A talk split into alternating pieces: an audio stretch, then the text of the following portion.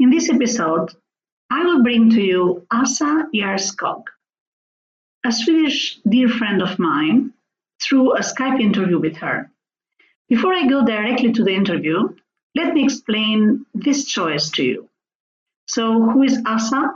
And why do I think anyone could profit from getting to know her?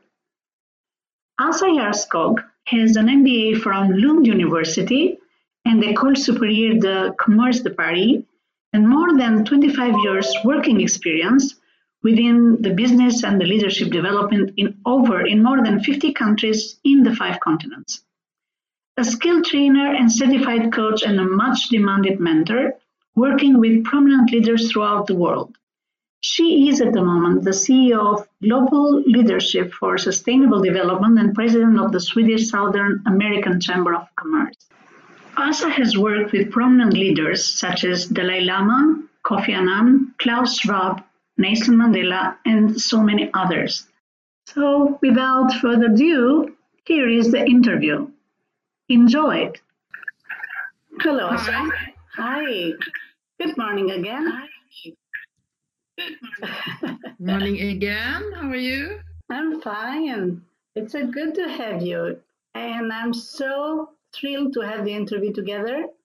In this podcast, all we talk about is about the workplace and how people can give their best when they work. And in your work experience, you have had this experience with prominent leaders such as Dalai Lama, Kofi Annan, Klaus Schwab, and Nelson Mandela, just to mention some. And uh, because I know that uh, we learn from these people, we all, and we have learned by watching them in just different uh, interviews or who has been lucky to be in conferences with them, that you have worked with them. So if I would ask you, please, to just mention one lesson you've had from each of them that you want to share with. Well, I think I have learned from all the people I have worked with, not only these famous people, because uh, uh, every every leader who has gone through some things in their life and have managed to use that experience in order to develop themselves uh, have something to share. And I think the trick is to listen to what they have to share. Uh, when it comes to these people, I think all the great leaders that I meet, uh, they have one thing in common, and um, and that has spi- inspired me a lot. Uh, I think they are all very disciplined in uh, in keeping their physical and mental health through uh, exercise, through the right kind of food, uh, uh, avoiding too uh, to- toxic food and drinks, uh, through uh, meditation also for their mental health and recreation and love. And I think that has has inspired me a lot, uh, inspired me a lot as a leader, and that's something I want to share with other leaders, and I try to share with other leaders that we need to be disciplined, both when it comes to our our temples, our bodies, and our minds.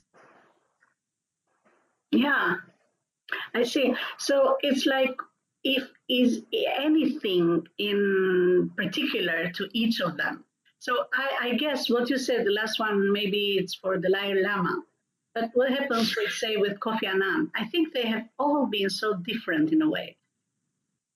Yeah, um, I mean, I think Kofi Annan he came into an organization that was very, very built on hierarchy and bureaucratic, and uh, a lot of politics was running around in that organization. The UN, I've worked ten years for the UN, and I know it's a very very uh, bureaucratic organization and that if you have power in that organization it's very difficult to, to, to challenge people with power and he really uh, spent i mean i wish he had been given more time to change the values of the organization because he's he turned it around and talked about what are our values.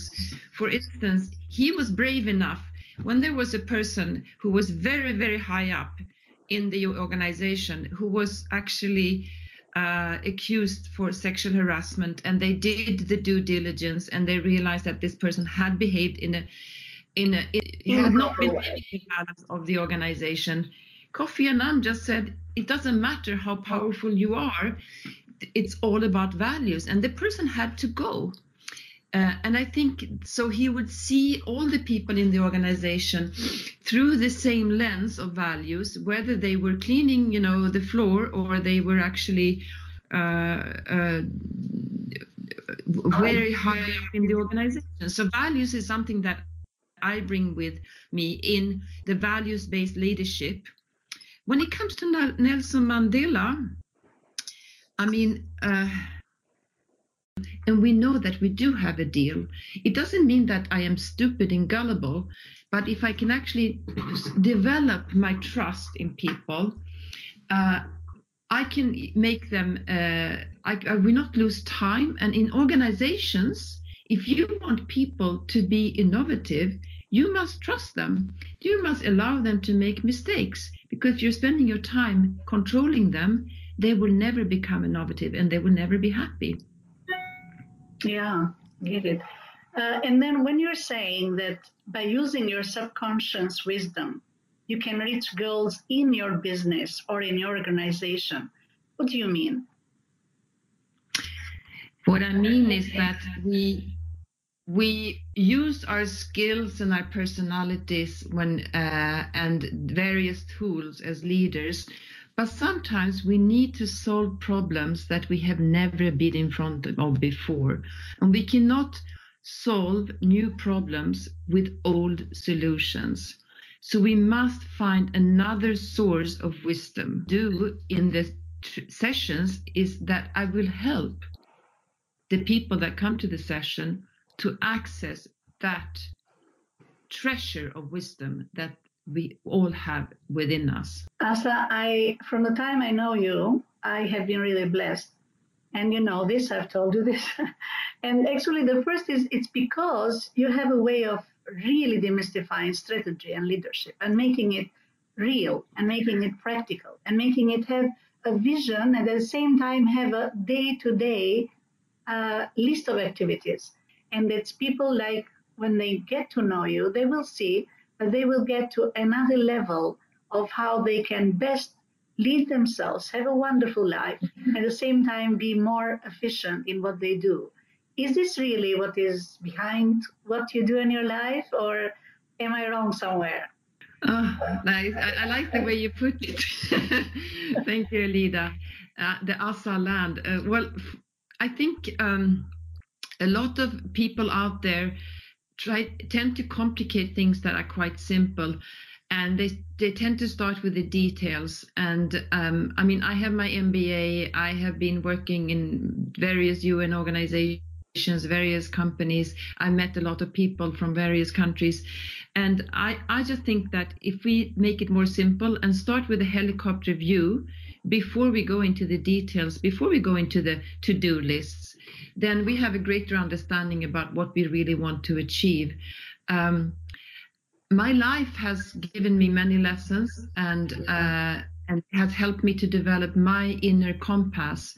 And this is what I want to help other people to do to to to discover their own own inner compass so that they can lead and their life and work without you know unnecessary transaction costs, unnecessary stress, unnecessary conflicts with others and with themselves, but rather live in harmony and feel that they have uh, they're living their way in an authentic way, and uh, it's amazing how much more efficient and effective you become where you don't waste time thinking what is this the right thing to do? When you when you have that straight highway to your inner compass. So that's what i want to help help you build that straight highway to your inner compass. And asa i want to thank you on behalf of everyone that is listening. Thank you very much for this interview. Thank you ida. Thank you. Thank you. Okay. bye